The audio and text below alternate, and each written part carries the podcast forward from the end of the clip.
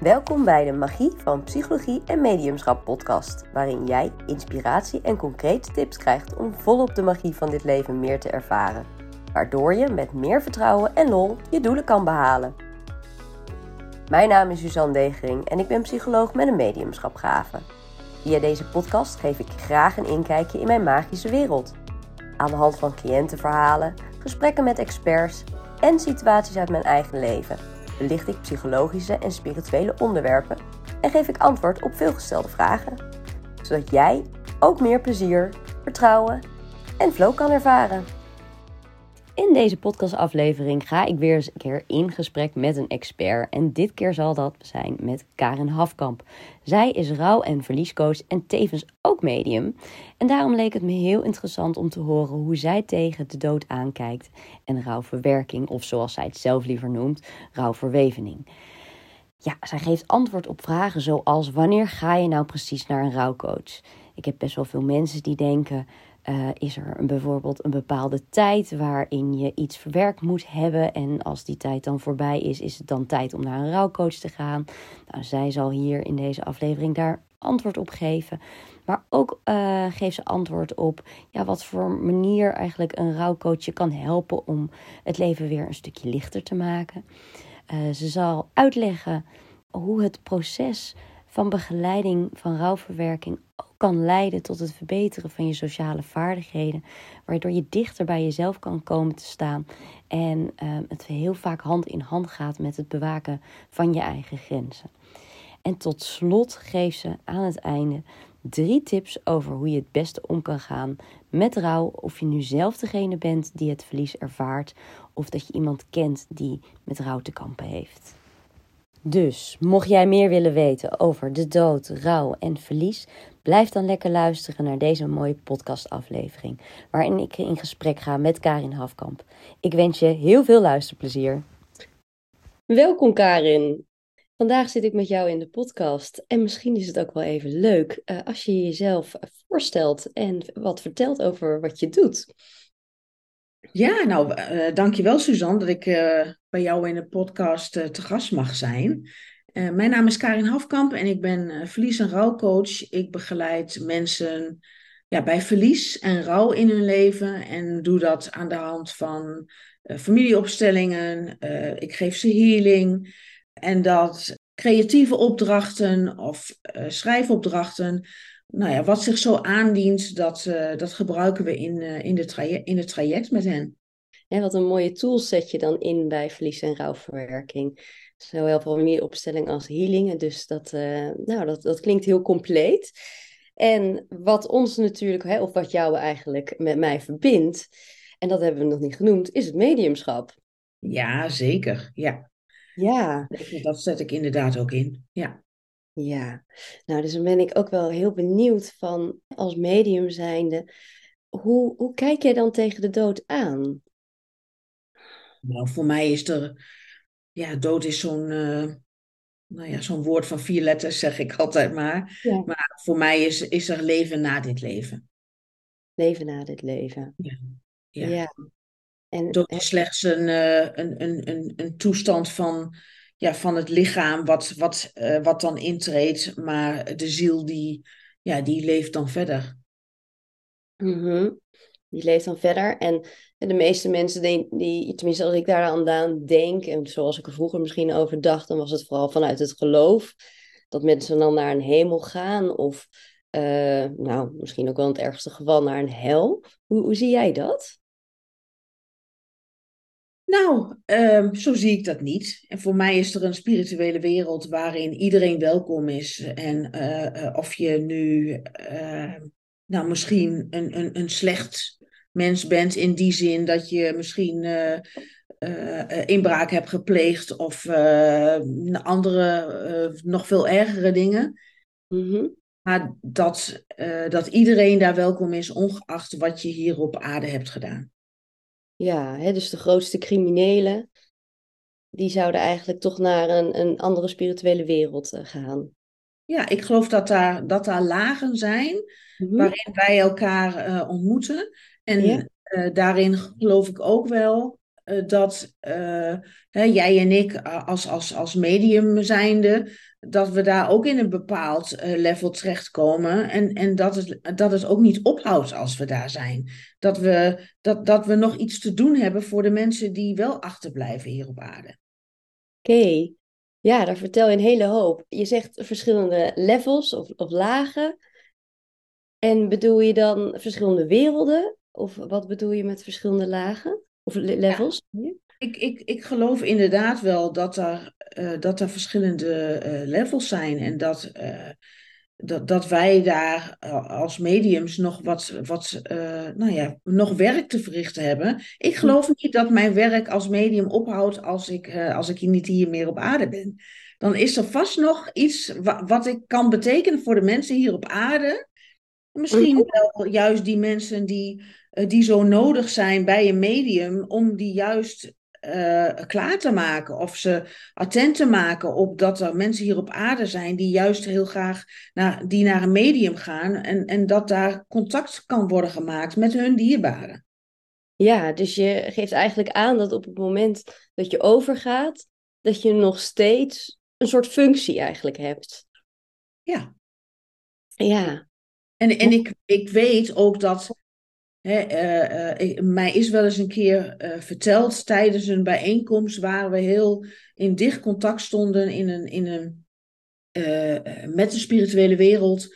Dat mij dat, dat mij dat ook verteld werd. Dat, ja, dat als ik hier niet meer op aarde ben, mm ja, dat mijn werk er nog niet op zit. nou, ja, hè, dat, dat, uh, dat voelt ook een beetje dubbel aan de ene kant van, goh, dus je blijft niet alleen je hele leven lang werken, maar zelfs daarna nog. En tegelijkertijd snap ik ook wel dat je aangeeft van, ja, je kunt uh, eigenlijk altijd nog van betekenis zijn. Ja. En dat is het mooie erin. Hoe is dat? Ja, ja. Dus ik zie het, ik zie het ook, ook het mediumschap zie ik, niet, uh, zie ik niet als werk. Dat zie ik echt als een, uh, ja, dat ik, dat ik voor hen er mag zijn om als doorgeefluik naar de mensen die bij mij komen voor een mediumconsult. Ja, ja, die diepere betekenis. Eigenlijk, ik zou het misschien wel je zielsmissie kunnen noemen. Nou, ja. en die ziel gaat natuurlijk niet dood. Nee. dus dat, nee. daarmee is de cirkel wel weer rond. Het doet mij ook denken, um, hè, dat is misschien wel leuk om aan de luisteraars te vertellen. Wij kennen elkaar uh, van in de Zwanenhof toen destijds nog. Toen uh, ja, hebben wij elkaar ontmoet met uh, mediumschappen. Ja, hoe zullen we het noemen? Training, opleiding. Mm. En um, op dat moment toen was ook dat er ja, het medium in trance kwam, ging en er iemand doorkwam vanuit de spirituele, spirituele wereld. En die vroeg mij, weet jij al uh, wat je gaat worden als je straks overlijdt? En dat vond ik een erg leuke vraag. Oh ja? ja. ja. Ja, dus alsof nou, dat je weer mag kiezen, alsof je weer op de basisschool begint van hè, waar ga je naartoe studeren? Word je gids of ga je, nou ja, de andere zielen begeleiden of de mensen inderdaad helpen? Ja, ja want ja, ik hoor jou zeggen, de, hè, de, iets voor de mensen doen. Maar nou ja, we weten natuurlijk niet precies wat er nog allemaal meer uh, kan. Nee, misschien uh, is er ook wel iets anders voor mij of voor jou weggelegd. Hè? Dus uh, ja, dat is ook een verrassing. Ja. ja, ik ben dan ook heel benieuwd van met, met deze ehm, visie eigenlijk. Hoe, jij de mens, hoe dat helpt eigenlijk bij de begeleiding van rouw en, en verlies. Uh, uh, dat wisselt. Want niet iedereen die bij mij komt staat uh, open voor mediumschap. Die vinden hè, het contact maken met overleden dierbaren vinden ze best wel eng. Ja, ja. Maar Zie je dat? Sorry? Zie je dat? Dat ze het eng vinden ook als het om hun eigen naaste gaat?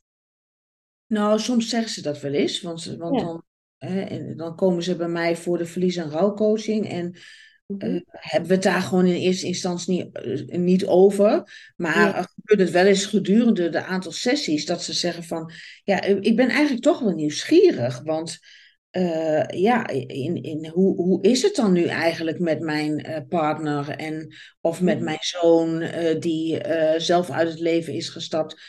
Ik ben eigenlijk zo nieuwsgierig. Mm. Ja, en dan, en dan komt het gesprek op gang en dan ja, dan vraag ik wel eens van, heb je wel eens eh, dat je, je eh, dan je overleden dierbare uh, dichtbij je voelt? Of zijn er tekenen zoals een vlinder of een roodbosje waaraan je ehm, nou ja, voelt dat er, dat er iets is, meer dan alleen maar wij hier op, hè, met onze voetjes op deze aarde?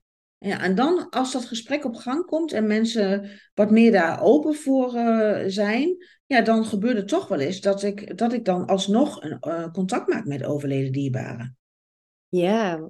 Of mensen komen eerst voor een mediumconsult. En om, om, om eens te kijken van, nou ja, wie is die Karin nu eigenlijk dan? En dan heb ik dat contact uh, ja, tot stand gebracht. En dat vind ik eigenlijk ook prima, want zo ken ik ook helemaal geen uh, achtergrond van ze. Waarom ze, hè, voor, voor wie ze dan komen. En als dat contact dan tot stand is gekomen en ik heb van allerlei mooie herinneringen mogen delen, ja, dan gebeurt het ook wel eens dat ze dan alsnog een, traject bij mij instappen. Ja, ja. dus het kan uh, eigenlijk op verschillende manieren zo uh, ontstaan. Aan de ene kant dat je als je met een traject bezig bent, dat het ter sprake komt dat ze toch wel nieuwsgierig zijn om contact te maken. Of het begint gelijk met die vraag. En dan vervolgens kun je ze mooi verder helpen. Dus wat dat betreft, ja, dus ik zei het net al, is heel volledig wat je de mensen dan aan kan bieden daarin. En stel nou, hè, dat ze inderdaad bij jou een, traject aangaan. Hoe, wat, hoe ziet dat eruit? Hey, hoe gaat rouwverwerking nou precies in zijn werk? Kun je daar wat over uitleggen? Nou, uh, rouwverwerking, ik, als ik het heb over rouwverwerking, uh, dan vind ik, het, uh, vind ik dat niet een heel mooi woord. Want het lijkt wel alsof je afval aan het verwerken bent. Hè? Eh, dus ik gebruik eigenlijk meer rouw verweven in je leven, omdat het nooit weggaat. Het is altijd onderdeel van je leven en dat, en dat blijft. Uh, en het is ook geen vaststaand, vaststaand uh, traject. Er zijn geen, natuurlijk zijn er fases waardoor je heen gaat. Maar het mhm. is ook niet dat, dat, uh, dat je eerst fase 1 hebt en dan 2. Nee, misschien gebeurt het wel gewoon heel andersom. Dus mhm. ik, ik, sta open voor ja, wat de mensen uh, ja, mij vertellen aan welk verdriet ze hebben. En daar, aan de hand van wat ze mij vertellen. En ik, ik luister vooral heel erg naar naar hun verhaal, wat ze graag kwijt willen. Omdat ze ja, misschien in hun, hun leven lang niet altijd een luisterend oor hebben. Mm. En, en, en eh, dat luisteren is, is vooral heel erg belangrijk om mee te starten. Om mee te starten. Ja, hè, dus als iemand overlijdt, nou ja, dan is er natuurlijk heel veel verdriet. Uh, maar dat, nou ja, uh, het kunnen ook andere emoties zijn. Wanneer moet ik nou denken, hey, het is misschien toch handig voor mij om ja, um, naar iemand toe te gaan voor extra hulp bij deze ja, rouwverwerking. Jij noemt het rouwverweven. Uh, wanneer zouden ze nou inderdaad bij jou terecht kunnen? Nou, de, de, de een komt uh, na bijvoorbeeld uh, twee of vier weken, omdat ze zo, zoveel verdriet hebben en, en daar met iemand over willen praten. Mm Niemand in hun naaste omgeving hebben, of omdat ze anderen daar niet mee willen belasten.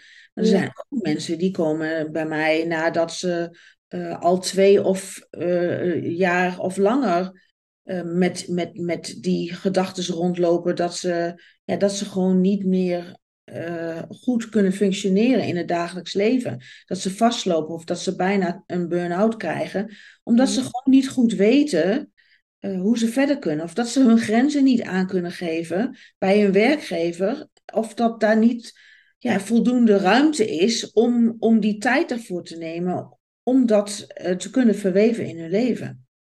Ja, hè, dus dat kan heel wisselend zijn. Er staat niet een bepaalde periode van, nou, na zoveel tijd, dan eh, moet je maar eens een keertje hulp gaan zoeken. Maar het is echt meer een gevoelskwestie als ik jou zo hoor. waarin je zelf merkt van, goh, het verdriet is me toch te veel of ik mis iemand om, uh, om een ei uh, aan kwijt te kunnen. Um, ja, er ehm, zijn ook mensen die, die, die vastlopen mm. en, en, naar een huisarts gaan. En, of bij vrienden en die, die dan door die huisarts of hun werkgever, die, die daarvoor open staat om juist hun medewerkers meer hulp te geven, die, die bij mij terechtkomen van, ja, ik, ik, ik ben doorverwezen, dus, of nou ja, doorverwezen is natuurlijk niet het heel meest mooie woord, maar... Uh, ja, zo is het wel in de praktijk, ja. ja en, en komen ze gewoon eens bij mij praten in een kennismakingsgesprek om te kijken of er een klik is. Ja, nou oké, hè. En stel, dus dan gaan ze met jou aan de slag. Dan mhm. zie ik me voor me dat ze er heel veel over gaan praten. Dat, dat noemde je net. Uh, mijn ervaring zelf ook als psycholoog is dat, nou ja, hè, je, je hart loopt er ook van, van over natuurlijk. Het, uh, het, is zo'n, ja, het kan zo'n groot verdriet zijn. Uh, en dan zijn de mensen om je heen misschien het, nou ja, voor je gevoel een beetje zat. Of je wilt ze niet lastigvallen met keer op keer hetzelfde verhaal. Dus dan praat je veel. Maar jij noemde net ook andere dingen die je inzetten. Uh, onder andere bijvoorbeeld de familieopstellingen. Kun je me uitleggen van hoe een opstelling helpt voor rouwverwerking?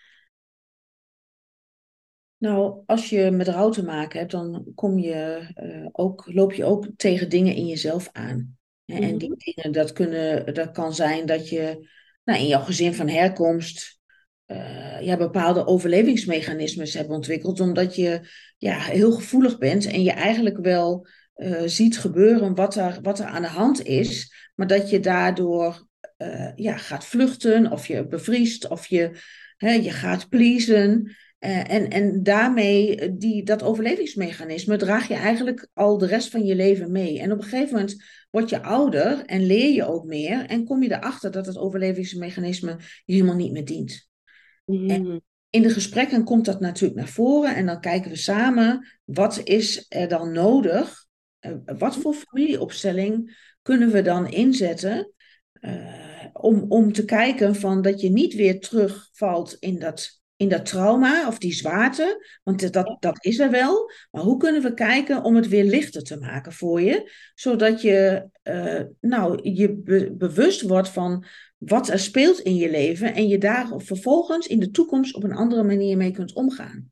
Ja, wat mooi. Dus in mijn woorden, eigenlijk is dan de rouw misschien op dat moment wel een trigger, waardoor dat overleefmechanisme weer, hè, dat beschermmechanisme geactiveerd wordt. En daar zit natuurlijk een patroon wat je wil doorbreken, wat kan door middel van een opstelling, zodat je in de toekomst anders ermee om kan gaan. Ja, precies. Ja. ja.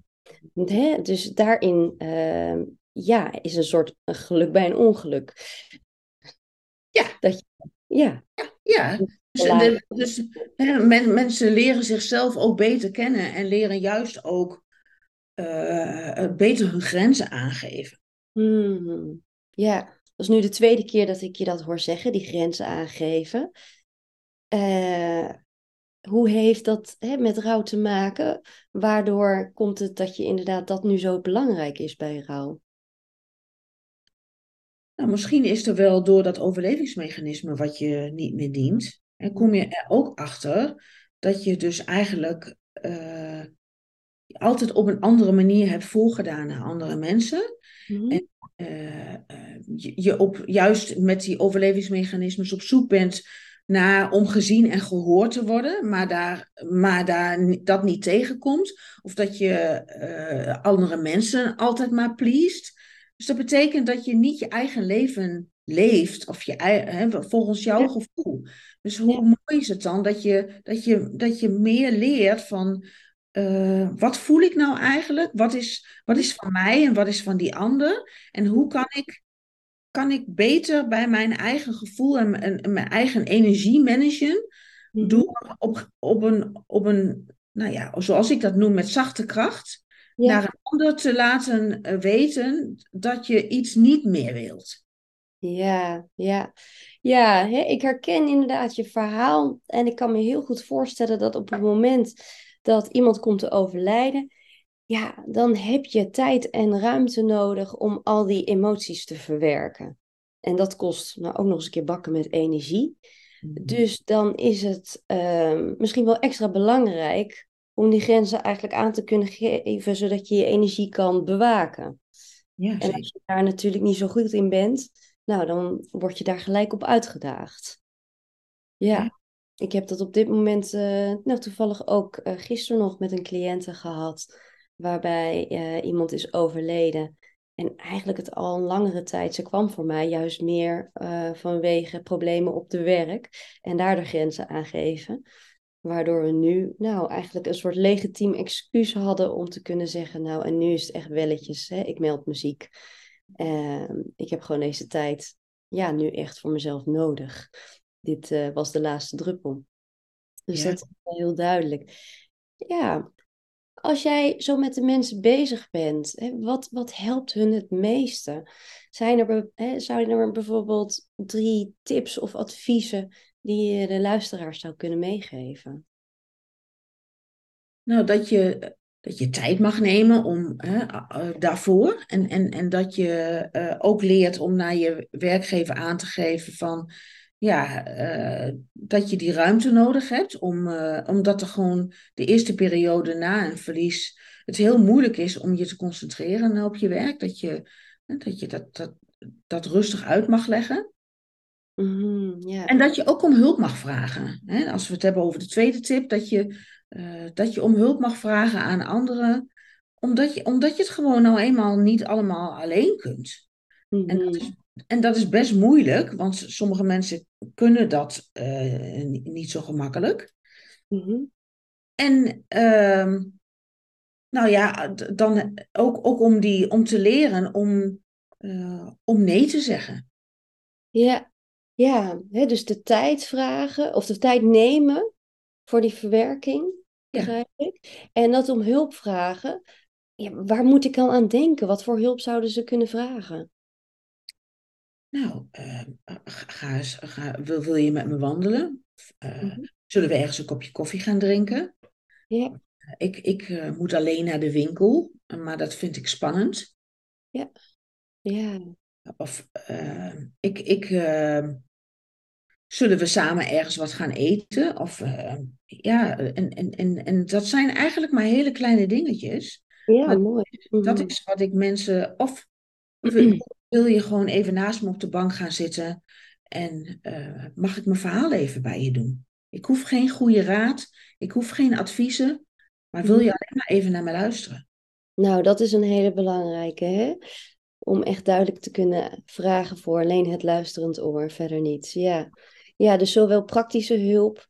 Eh, ik kan me voorstellen dat ehm, iemands vrouw misschien overleden is, die altijd het eten klaarmaakte. En misschien ben je zelf een wat, eh, wat oudere man die dat dan lastig vindt.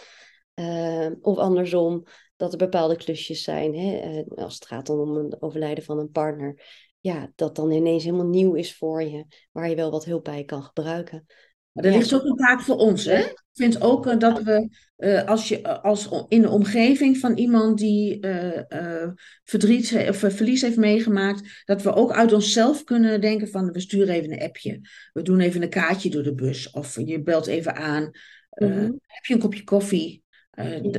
en dat zijn, sommige mensen vinden het namelijk heel moeilijk om, om dat te vragen. Dus we kunnen ook uit onszelf juist naar die mensen toe gaan en een pannetje soep meenemen. Ja, het zelf aanbieden. Ja. Hetgeen wat we veel in corona hebben gezien natuurlijk. Ja. Ja, ja, zeker. Nou, daar sluit ik me helemaal bij aan. En hè, daarin heb ik misschien ook nog een kleine toevoeging. Ik, ik zie zelf dat mensen eh, vooral ook de hulp schieten net nadat het overlijden is geweest. En ik zou mensen ook nog willen eh, zeggen, ja, wees niet bang om een jaar daarna of twee jaar daarna er altijd weer gewoon naar te, te vragen of het eh, te benoemen. Ehm gisteren werd mij namelijk nog gezegd dat de doden eigenlijk in leven worden gehouden door de herinneringen daaraan. Ja. Ja, nou, blijf vooral eh, hun namen noemen. Hè. Ik, ik heb nu een, eh, een, een man die ik begeleid en die, daarvan is zijn vriend eh, een aantal jaar geleden overleden, mhm. eh, vrij plotseling. En hij noemde het altijd mijn vriend. Eh, mijn vriend, mijn vriend. En toen zei ik van, hoe, hoe heet jouw vriend eigenlijk? Ah ja. op het, dus ik zei, ik moedig je aan om, uh, om zijn naam te blijven noemen, want daarmee houd je hem in leven, hè, bij wijze van spreken, en in ieder geval de herinneringen aan hem. En uh, dat heeft zo, uh, heeft zoiets bij hem opengezet, veranderd, waardoor hij zei van, oh, hoe, hoe fijn is het dat, dat, ik, dat ik dit gewoon nu ga doen. Dat is, dat is echt een totale andere beleving. Ja. ja, kan ik me heel goed voorstellen. Naam is zo persoonlijk. Daar zet je toch iemand mee, hoe gek het misschien ook mag klinken in de wereld. Nou, ik denk dat we daarmee hè, tot een eigenlijk hele mooie einde zijn gekomen van dit gesprek. Om op deze voeten te eindigen. Ja, ja. ja. Dankjewel Karin. Jij dankjewel Suzanne. Voor nu wens ik jou nog en de luisteraars thuis een hele fijne dag toe. Ja, dankjewel. Jij ook. Superleuk dat je luisterde naar mijn podcast De Magie van Psychologie en Mediumschap. Ben je enthousiast geraakt en wil je meer blijven horen? Abonneer je dan nu op mijn podcast en klik op volgen in Spotify. Klik op het belletje om een melding te krijgen wanneer een nieuwe podcastaflevering van mij is uitgekomen. Ken je andere mensen die deze aflevering ook leuk zouden vinden? Deel dan vooral deze aflevering met hen. Wist je trouwens dat je ook een review voor mij kan achterlaten? Dit kun je doen door in de podcast-app te klikken op review en door mij 5 sterren te geven. Of door iets te schrijven op Google. Tot slot heb ik nog wat leuks voor je. Wil je meer ruimte maken voor magie in jouw leven door beter je intuïtie te volgen? Haal dan de ruis op de lijn weg en begin met het creëren van meer emotionele rust. In mijn gratis e-book Licht Leven vertel ik je welke stappen je hiervoor kan zetten. Download hem op mijn website www.suzandegering.nl. Nogmaals, heel erg bedankt voor het luisteren en tot de volgende keer.